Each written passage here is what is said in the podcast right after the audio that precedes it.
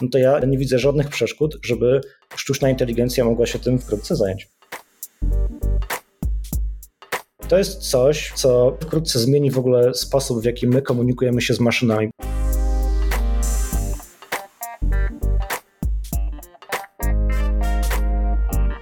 Cześć, jestem Szymon Trzepla, a to jest UX po godzinach. Jak wiecie, w naszych rozmowach staramy się przekazać maksimum konkretów i stworzyć dla Was pigułę wiedzy.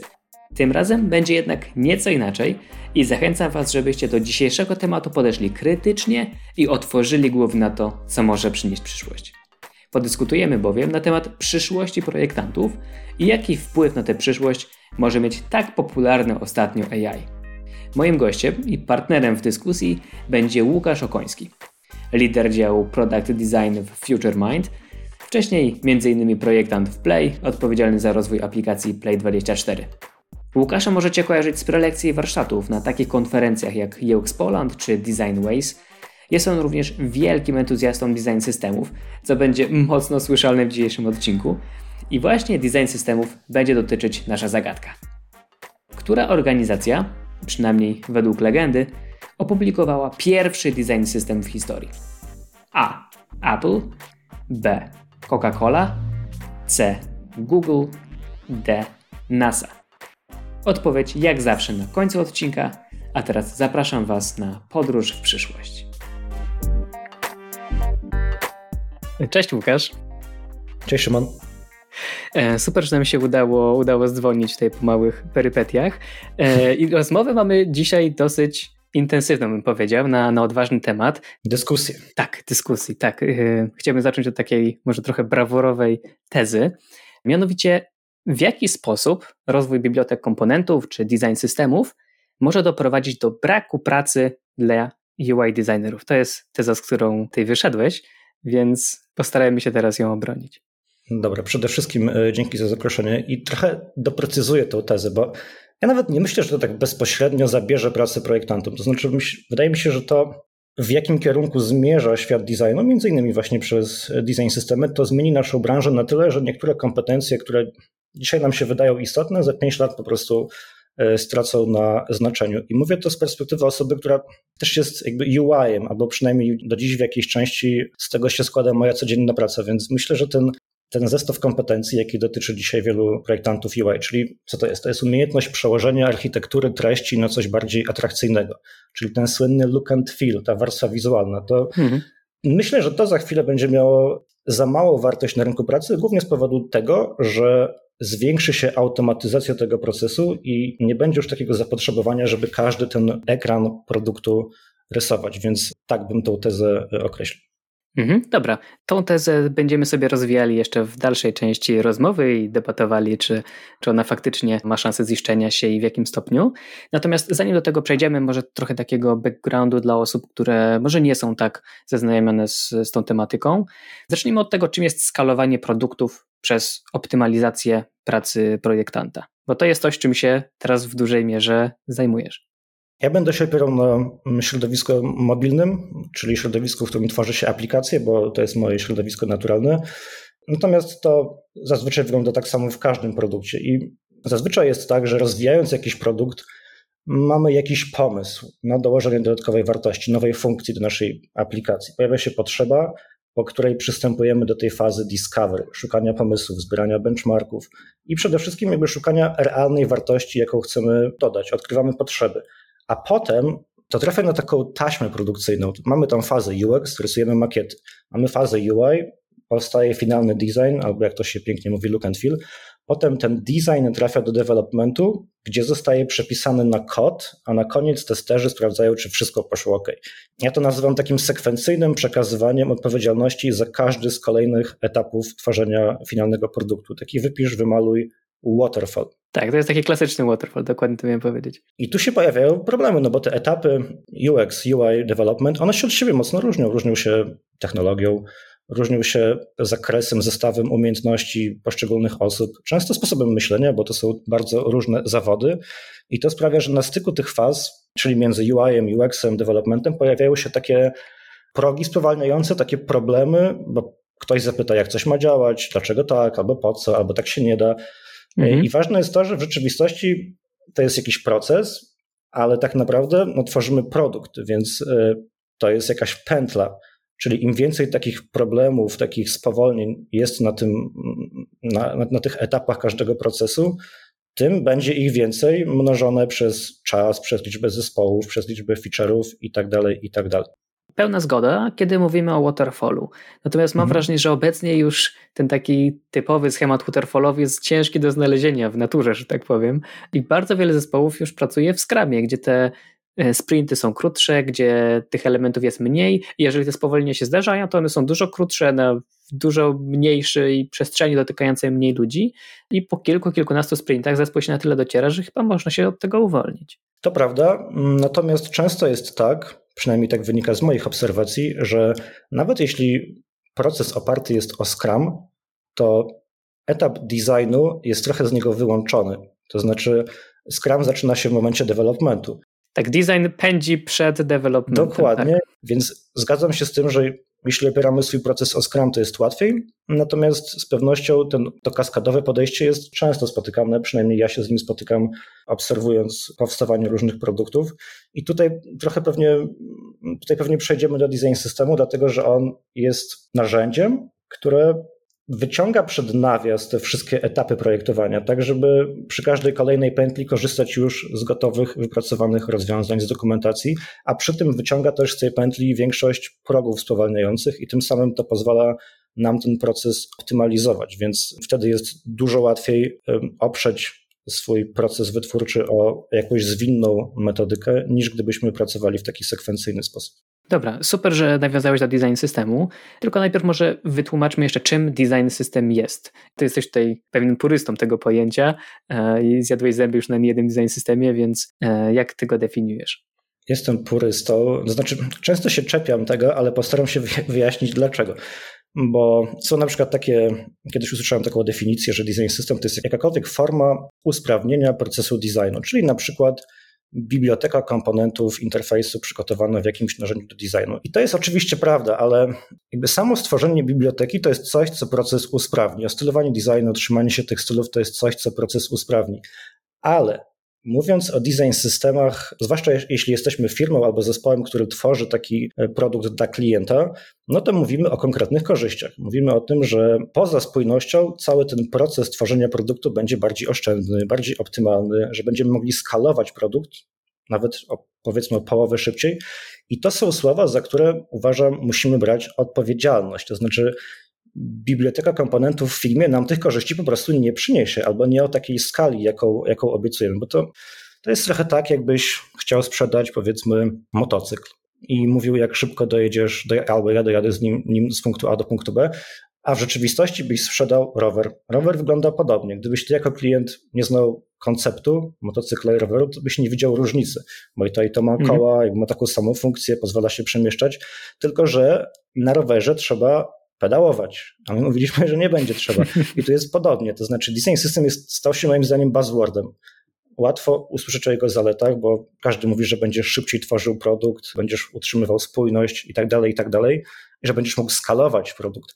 I do tego momentu wszystko jest ok, ale potem przychodzi etap weryfikacji i myślę, że wiele produktów wyjeżdża z tego etapu po prostu na rowerze. Jak ja staram się definiować design system, Zawsze tłumaczę, że to jest porozumienie designu z developmentem. Są takie sztywne ramy projektowania, ramy, które zapewniają spójność, a spójność z kolei wynika z powtarzania wzorców, które wcześniej sobie zdefiniujemy. To jest taki zbiór trzech elementów: designu, kodu i dokumentacji. I dopiero kiedy te trzy elementy istnieją, kiedy mamy design zgodny z kodem i dokumentacja łączy te dwa elementy, no to możemy mówić o design systemie i też powoływać się na wartość, jaką to może dla biznesu przynieść. W innym wypadku mamy półprodukt, który może tej wartości nie przynieść, więc dlatego tak dbam o, o definicję. Jak w takim razie ten design system e, może nam pomóc zoptymalizować proces, zoptymalizować pracę projektanta, przez to też wyskalować nasz e, produkt, biorąc pod uwagę ten, e, ten workflow, o którym rozmawialiśmy, czy, czy waterfallowy, czy scrumowy? Design system powstaje po to, żeby to wszystko uporządkować, no bo często jest tak, że jeden projektant albo jakiś zespół tworzy projekt, relisuje go, a potem przychodzi etap rozwoju produktu i albo zespół się zmienia, albo dołącza nowa osoba. To wdrożenie nowej osoby to jest jakiś koszt. I ten koszt jest dużo mniejszy, kiedy produkt jest oparty o konkretne ramy, konkretne zasady gry. Design System też bardzo skutecznie eliminuje bus factor. Jeśli ktoś nie wie, czym jest bus factor, no to to jest zadanie sobie pytania, ile osób, e, ilu członków zespołu musiałby przejechać tramwaj, żeby projekt stanął. Jeśli jednego, no to znaczy, że coś jest nie tak. I ja wiem, bo ja sam byłem często e, tym wąskim gardłem i dzięki temu wiem, że to jest duży problem nie dla mnie, tylko dla osób, które ze mną pracują, bo są blokowane przez moją nieobecność, przez mniejszą, mniejszą responsywność. Więc to są takie szybkie, namacalne sposoby, w jakich pomaga design system albo metody, jakimi można sobie ten proces e, optymalizować. Wiadomo, że tego jest, tego jest oczywiście znacznie, znacznie więcej. A jak ta optymalizacja w takim razie może zagrozić roli UI designera? No bo przecież to przede wszystkim ich rolą, przynajmniej tak w moim pojęciu, jest zbudowanie takiego design systemu, utrzymanie go, ale czy można go zoptymalizować aż tak, że, że oni przestaną być potrzebni? To też widzisz, bo pytanie, czy rzeczywiście UI jest osobą, która jest w tym całym układzie najważniejsza, bo warto się zastanowić, jaka jest wartość pracy, którą wykonuje UI designer. I żeby było jasne, ja tego nie deprecjonuję, bo ja sam jestem UI-em.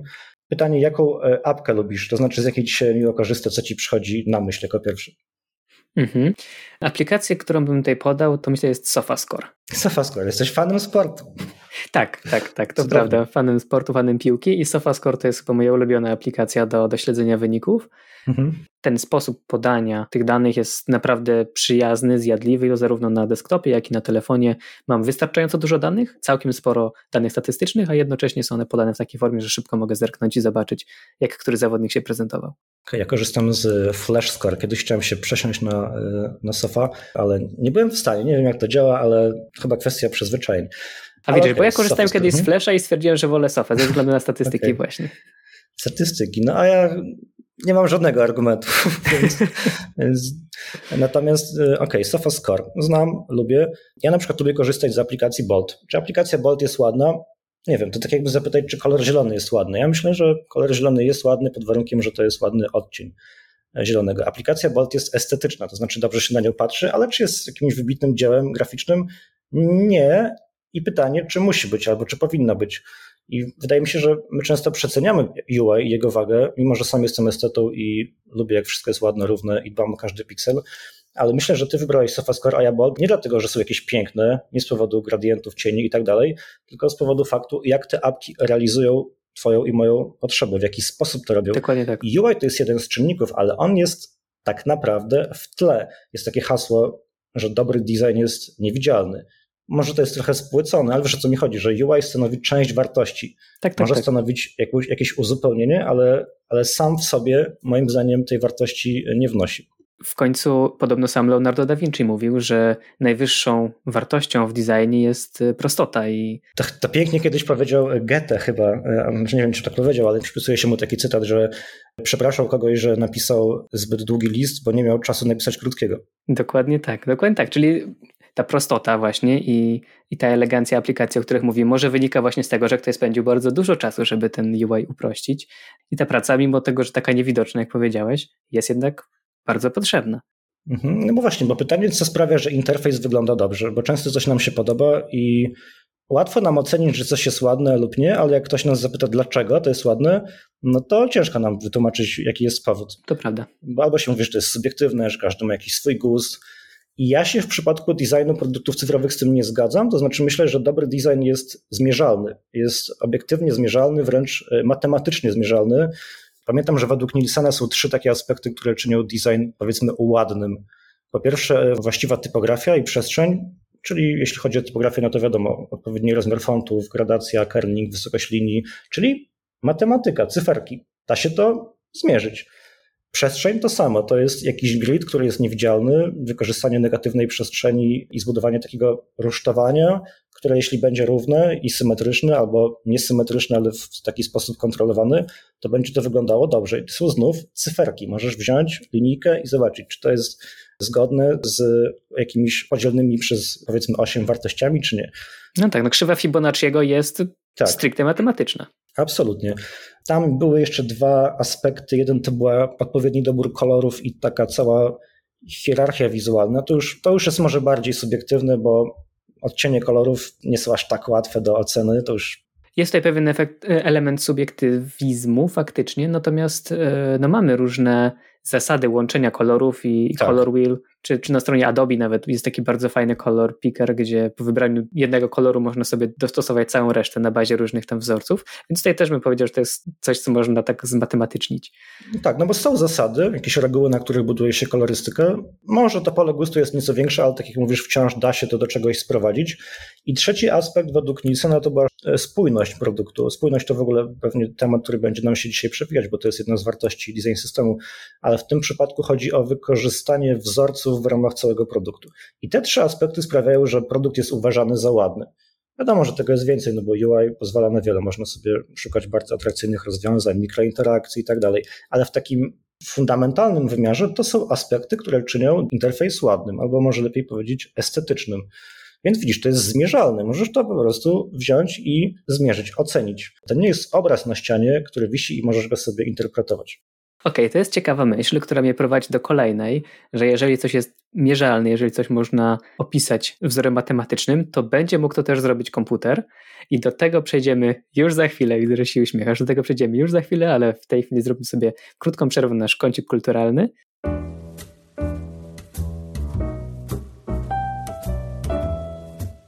A w naszym kąciku kulturalnym, jak zawsze, dwa pytania. Na początek, jaką ciekawą książkę ostatnio przeczytałeś? Co z niej wyniosłeś?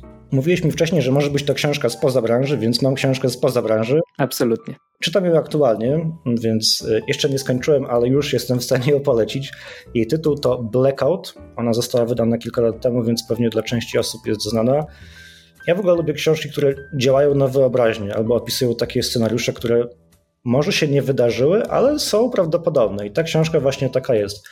Ona opowiada scenariusz, w którym pewnego dnia Europa zostaje bez prądu i no nie chcę spoilerować, ale ten brak prądu nie trwa ani 10 minut, ani godzinę, tylko trwa dłużej i niesie ze sobą takie konsekwencje, o których nam się e, pewnie nie śniło, bo wystarczy powiedzieć, że bez prądu nie mielibyśmy wody, a woda jest no, dosyć istotna. Także polecam książkę, bo uważam, że ona otwiera oczy na wiele spraw, których istnienie wydaje nam się oczywiste, a wcale takie nie musi być.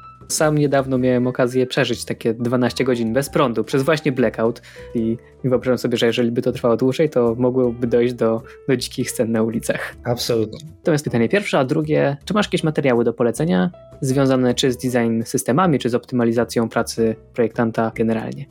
Mam mnóstwo materiałów. To nie są akurat książki, bo ja nie lubię się uczyć designu z książek. Nie wiem, zawsze to było dla mnie jakieś takie niewygodne.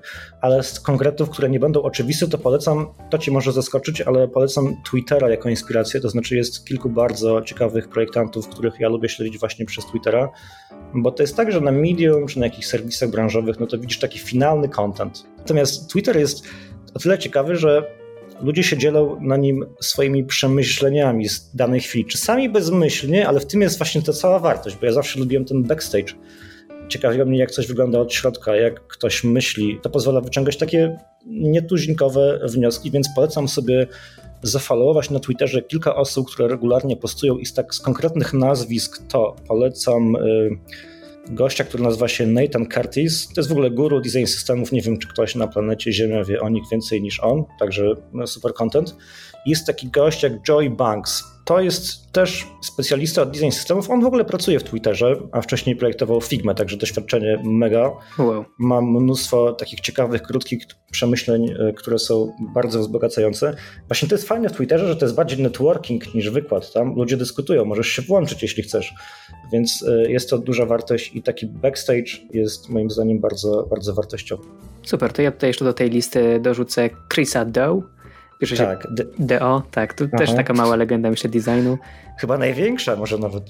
Oj, no, no, myślę, że, że jest, jest w topce na pewno. Mhm. E, na Twitterze akurat go, go nie śledzę, ale na wszystkich innych social mediach jego podcast e, słucham namiętnie, więc serdecznie polecam. Jeszcze z takich realnych materiałów, znaczy wszystko jest realne, ale takich e, materiałów wideo, no to zawsze jak ktoś mnie pyta, czym jest design system i jak budować design systemy, to polecam taki film z konferencji, która nazywa się Nordic Design. To jest wykład Kariego Sarinena, to jest taki Fin, który jakiś czas temu był head of design w Airbnb.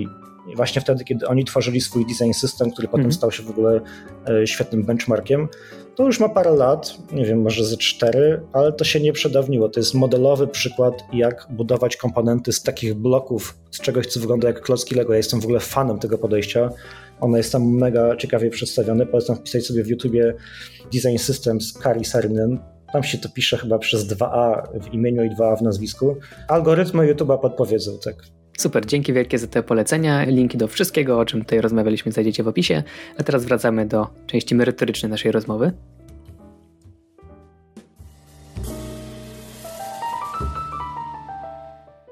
I tak jak zapowiadałem, zrobimy sobie tutaj małą dyskusję w tej chwili. E, myśl, którą urwaliśmy wcześniej, to ta, że jeżeli design można tak skwantyfikować, można go wyliczyć i są na to wzory, to w takim razie może to potencjalnie zrobić komputer. Z jednej strony ma to sens, z drugiej kołaczą mi się po głowie te hasła, że komputery nigdy nie będą kreatywne, że komputery nigdy nie będą w stanie wytwarzać czegoś nowego. Gdzie jest tutaj w takim razie złoty środek?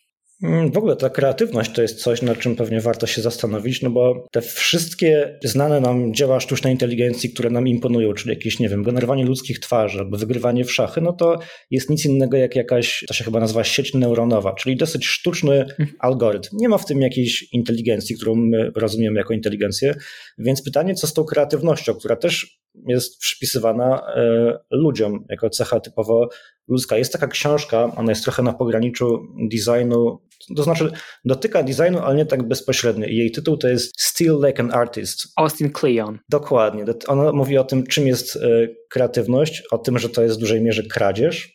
Nawet chyba taki jest polski tytuł, twórcza kradzież, tak mi się wydaje. I to dosyć trafnie obrazuje naszą branżę, bo często pada pytanie, czy projektant UI powinien być artystą, albo czy Akademia Sztuk Pięknych pomaga, czy przeszkadza. I ta książka moim zdaniem bardzo trafnie zbiera to w pewien zestaw zasad, jakimi się ta kreatywność rządzi. Ona oczywiście jest różna na różnych polach, ale w rzeczywistości kreatywność to, według autora, i ja się z tym zgadzam, to zbieranie i sklejanie ze sobą inspiracji to jest taka sztuka, żeby je odpowiednio skleić. On mówi też o tym, że oryginalność na przykład, nie wiem, Quentina Tarantino wynika z tego, że on po prostu umie kopiować innych reżyserów, a my uważamy -hmm. go za geniusza kreatywności, więc patrząc na to z tej perspektywy, czyli z tego, że kreatywność byłaby zbieraniem inspiracji i łączeniem ich w całość, to przy tym matematycznym dbaniu o estetykę, symetrię i tak dalej, no to ja niestety, ale nie widzę żadnych przeszkód, żeby sztuczna inteligencja mogła się tym wkrótce zająć. Tak, to brzmi jak faktycznie uczenie maszynowe i trzeba po prostu nakarmić Watsona od IBM-u czy, czy inny komputer odpowiednią ilością dobrych designów, tak żeby on sobie sam wzorce wyciągnął. No faktycznie, faktycznie jest w tym coś. Natomiast uczenie maszynowym uczeniem maszynowym, to sobie, sobie tutaj powiedzieliśmy trochę na, na takich ogólnych klockach, ale czy już teraz ta technologia jest na tyle zaawansowana, że potrafi sobie tak połączyć te, te różne klocki i, i wytworzyć nowy design, czy nową propozycję jakiegoś design systemu? Myślę, że jeszcze nie jest, ale jest bardzo blisko. Powiedz mi, czy słyszałeś kiedyś o takim skrócie jak e, GPT-3 albo GPT-3? Nie wiem, czy to się, czy to się spolszcza. Nie, nie, w ogóle nic. Okej, okay. to jest język nauczania maszynowego autorstwa firmy OpenAI, czyli firmy, którą kiedyś założył Elon Musk, on już się z tego wycofał. Ale to, co odróżnia tę wersję od poprzedniej, to jest to, że ona rozumie kontekst pomiędzy wyrazami. I to jest coś, mhm. co prawdopodobnie wkrótce zmieni w ogóle sposób, w jaki my komunikujemy się z maszynami, bo to jest znacznie bardziej zaawansowany język niż Siri czy niż Alexa. Co więcej, ten model w ogóle nauczył się angielskiego, francuskiego, hiszpańskiego, a co ciekawe, w naszym kontekście też języków programowania. I przykładów użycia jest mnóstwo, ale w kontekście designu jest taki bardzo fajny eksperyment, można go sobie znaleźć na YouTubie. To jest taki plugin do Figmy, który pozwala na wpisanie treści która jest naszą intencją. Wpiszemy ją po prostu własnymi słowami. Na przykład narysuj mi ekran aplikacji, która jest formularzem rejestracji, ma takie i takie pola, ma call to action na takiej treści, a jeden z inputów ma, nie wiem, ikonkę, która potem jest jakimś tooltipem. I ten plugin, on rozumie naszą intencję, po pierwsze. Po drugie, łączy się z design systemem i wykorzystuje komponenty, które mamy, analizuje paterny, które mamy zastosowane w innych widokach i tworzy po pierwsze design i prototyp w Figmie, a po drugie wypuszcza docelowo gotowy do release'u kod, czy w Reactie, czy w Kotlinie, czy w Swiście, w, w czym chcemy. Magic. I to wiadomo, jest prototyp, to jest jakaś tam faza alfa, ale to pokazuje kierunek, w jakim ta branża może zmierzać. I serio takim językiem naturalnym wypisujesz to, chcesz dostać na ekranie i to dostajesz. Tak, ja powiem Ci więcej, bo jest, jest super analogia do tego i to jest dziennikarstwo. To znaczy, w zeszłym roku w Guardianie ukazał się taki artykuł napisany przez ten algorytm. A tak, słyszałem o jakimś tam artykule napisanym przez komputer, słyszałem, tak. Tak, tam było, pierwsze zdanie chyba brzmiało e, nie jestem człowiekiem, jestem robotem. Poza tym cała ta treść jest nie do odróżnienia od ludzkiej ręki. Wiadomo, że ten tekst przeszedł korektę, jak każdy tekst. Dlatego właśnie jest jakaś analogia, no bo cały czas to pokazuje, że są role, które są typowo ludzkie i które będą potrzebne, natomiast opinie futurologów, jakie spotkałem, które mówiły o tym tekście, były takie, że to jest początek zmiany zawodu dziennikarza, że w pewnym sensie to wyprze zawód dziennikarza. Może nie tak bezpośrednio, no bo ten tekst, tak jak mówię, przeszedł korektę i tak dalej. Plus myślę, że zawód dziennikarza opiniotwórczego, którego opinie mają znaczenie, wciąż będzie potrzebny, bo to jest wartość, której na dziś nie zapewni nam maszyna, ale już tacy, tacy starzyści i teksty zapełniacze myślałem o, o treściach pisanych pod SEO, że tam nie trzeba opiniotwórczości, jakiegoś wkładu. Nie? Tam nic nie stoi na przeszkodzie, żeby wkrótce zaczęto używać sztuczną inteligencję, żeby sprawić, że to będzie tańsze i szybsze. Pamiętam, że w zeszłym roku Microsoft zwolnił część zespołu, oficjalnie zwolnił część e, dziennikarzy swoich własnych, tłumacząc to, że to jest powodem jest inwestycja w technologię i wykorzystanie sztucznej inteligencji do redagowania treści, więc to powoli zaczyna być realną perspektywą. Wydaje mi się, że dzisiaj na Wikipedii sporo artykułów powstaje za pomocą algorytmów, że nie pisze ich człowiek. I wiesz, konkluzja jest taka, że to, co robią maszyny, albo to, co będą robić w jakiejś przewidywalnej przyszłości, to jest moim zdaniem takie poprawne. Tam brak finezji, brak jakiejś nieprzewidywalności, takich cech typowo ludzkich, więc AI będzie nam pomagać jako taki bardziej rzemieślnik, a nie artysta, bo ja bardzo wierzę w jakąś unikalność i wartość potencjału intelektualnego, który jest typowo ludzki. Więc daleko tam do czegoś, co byśmy nazwali inteligencją w takim naszym rozumieniu tego słowa, ale jak sobie zobaczysz ten artykuł, to to jest algorytm, który ma poczucie humoru i to jest mega fajne, bo nagle myślisz sobie, kto to napisał. No to, jest, to jest naprawdę coś, co pozwala się zastanawiać nad możliwościami tego. Okay. jeżeli faktycznie założymy, że komputer będzie można wykorzystać do skalowania naszego, naszego interfejsu, być może rolą UI będzie bardziej utrzymywanie później tego, tego design systemu i jego dalszy rozwój. Co o tym sądzisz? Tak. Pytanie, czy to będzie rolą UI-a, czy osoby, która dzisiaj jest UI-em, a za chwilę będzie się musiała trochę przebranżowić. To będzie wciąż ta sama osoba, ale z trochę innym zestawem kompetencji, bo moim zdaniem, i tak też wynika z mojego doświadczenia, to budowa design systemu wymaga trochę innych umiejętności. To znaczy, to nie są umiejętności tylko typowo UI-owe. Dlatego, że po pierwsze nie ma przepisu na idealny design system. Mówi się nawet coś, tak, że Design system jest jak garnitur. Nawet jakbyś go zdjął z Jamesa Bonda, no to on na ciebie będzie miał na przykład za krótkie rękawy. I tak samo musi być z, z design systemem. On musi być szyty na miarę. To jest, to miarą są potrzeby organizacji, możliwości, skład zespołu, technologia i tak dalej. Więc to jest trochę bardziej złożona praca niż rysowanie interfejsu. Wymaga też umiejętności, które dzisiaj może są, nie są aż tak powszechne, a myślę, że wkrótce będą niezbędne. I jedną z nich jest na przykład umiejętność E, myślenia analitycznego. To znaczy, design produktu czy design system już jako narzędzie to jest duży produkt składający się z wielu elementów, z wielu procesów, każdy z nich jest inny. I ta umiejętność patrzenia tak holistycznie na te zależności pomiędzy elementami, umiejętność szukania wzorców, to jest coś, co jest potrzebne, żeby ten design system budować. Więc odpowiadając na pytanie, tak, ja myślę, że to będą te osoby, to znaczy to będą ludzie, którzy dzisiaj zajmują się interfejsami, są UI-ami, tylko będą musiały się troszeczkę przebranżowić albo pójść w nieco innym kierunku, żeby za te kilka lat mieć taką rolę, jak na przykład osoba, która buduje takie design systemy. W takim razie złapię się jeszcze tutaj może jakiejś takiej jednej deski ratunku dla UI-a. Myśląc o tym temacie, w miarę szybko przyszło mi do głowy, że przecież stworzenie takiego design systemu to jest olbrzymia praca. Olbrzymi koszt, na który nie każdy sobie może pozwolić, szczególnie e, jakieś produkty we wczesnym etapie. Startupy niekoniecznie są w stanie taki design system sobie szybko wytworzyć. W związku z tym ta początkowa praca UI designera, żeby wytworzyć jakieś te pierwsze makiety, pierwsze landing page, to jest olbrzymia praca i bardzo potrzebna, więc może faktycznie rolą w przyszłości UI designera może być taki agent zadań specjalnych dla startupów czyli wpaść, szybko zaprojektować coś, coś zjadliwego, zadbać o to, żeby później stworzyć taki design system, pomóc się organizacji skalować w ten sposób i kiedy już zapotrzebowanie na jego usługi będzie mniejsze, to przeskoczyć do kolejnej firmy, która jest w potrzebie. Myślę, że tak. Ja sam bym chciał to robić, więc brzmi to jak, jak coś, co, co, jest, co jest ciekawym scenariuszem. To, o czym pomyślałem teraz, jak to mówiłeś, to pewnie gdybyś mnie zapytał o to, nie wiem, rok temu, to miałbym inne zdanie, ale już się zmieniłem. To znaczy jest wiele teorii, na przykład takich, że dla małych produktów nie ma sensu budować design systemu, że to jest przerost formy nad treścią. Ja się ostatnio z tym przestałem zgadzać, bo mhm. w rzeczywistości choćbyśmy tworzyli ekstremalnie mały produkt, nie wiem, landing page, no nie wiem, czy to jest coś mniejszego, powiedzmy, że to, no to wciąż przechodzimy przez jakiś proces projektowy i ten proces to jest jakaś sekwencja decyzji. I tak myśląc o tym w taki namacalny sposób, no to jak rysujesz design, to za każdym razem powiedzmy, że zapisujesz jakiś kolor, jakiś font, dokładasz wtedy pewną cegiełkę do systemu i za każdym razem, jak go ponownie reużyjesz, no to podążasz za systemem, który tworzysz. I każda taka mikrodecyzja wzbogaca twój system. Im więcej tych cegiełek, tym większa spójność. Ale też trudniej, no bo każda cegiełka wprowadza jakieś e, zawężenie możliwości. I myśląc o tym w ten sposób, każdy design to system. I nie ma znaczenia, czy budujesz mały produkt, czy duży. To jest różnica skali. I to wcale nie trwa dłużej. To nie jest tak, że to jest jakiś narzut pracy. Może delikatnie, bo wymaga innego podejścia, ale koniec końców ta reużywalność oszczędza nam czas zawsze a nie go dokłada. To jest jakiś dodatkowy nakład, może stanowić dokumentacja, bo to rzeczywiście jest jakaś duża część pracy. Tam się mhm. trzeba namęczyć, żeby napisać tą książkę, gdzie wylistujesz każdy, wiesz, każdy opis każdego komponentu. To jest dużo pracy, ale wszystko pozostałe, czyli rysowanie ekranów albo nawet development komponentów, on trwa tyle samo, zarówno wtedy, kiedy opierasz się o design system i wtedy, kiedy nie.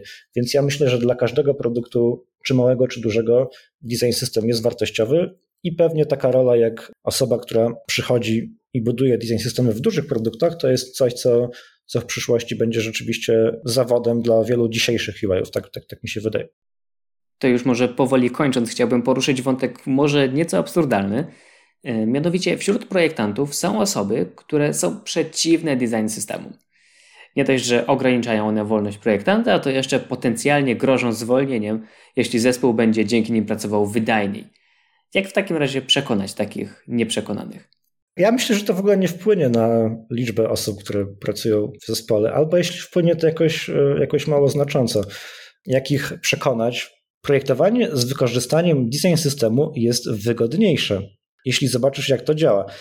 Bo w rzeczywistości sprawia to, że nie robisz rzeczy, które są zbędne, które są powtarzalne. Nie wymyślasz koła na nowo, tylko korzystasz z czegoś, co już zostało stworzone w jakimś innym miejscu, przez co po pierwsze jest spójniej, a po drugie masz czas na innowacje, masz czas, żeby sobie to wszystko zbadać, żeby weryfikować koncepcję, żeby budować prototyp bardzo szybko, żeby nie musieć poświęcać właśnie czasu na takie, wydawać by się mogło, zbędne czynności, które design system zupełnie ogranicza. I ten stosunek zysków do strat jest moim zdaniem bardzo wyraźny, ale dopiero wtedy, kiedy sam poczujesz wartość, kiedy zobaczysz, jak łatwo ci się pracuje, kiedy bierzesz nagle elementy interfejsu i je składasz jak z klocków i budujesz sobie ekran i masz go zbudowanego w 10 minut, podczas gdy normalnie pracowałbyś nad tym 2 godziny, albo lepszy przykład, już na etapie całego produktu. Załóżmy, że masz zbudowaną apkę i ona jakoś tam wygląda i chcesz zrobić redesign i pytasz dev teamu, ile to będzie kosztować. A oni ci mówią 250 godzin. Jeśli miałbyś design system, to kosztowałoby to 2 godziny.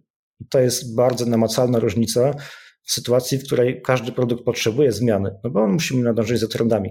A jeśli okazuje się, że redesign będzie zajmował 5 sprintów, to go nie zrobisz i jesteś w kropce i twój produkt za chwilę legnie. Więc ten dług technologiczny to jest coś, czego łatwo się pozbyć właśnie dzięki temu, że budujemy produkt w oparciu o, o design system tą taką pozytywną myślą i tymi takimi pozytywnymi argumentami myślę, że możemy ten wątek zakończyć, chociaż pewnie moglibyśmy jeszcze tutaj rozmawiać długo, bo jest e, sporo wątków. Dlatego przejdźmy już w tej chwili do naszego ostatniego pytania, killera, już tradycyjnego.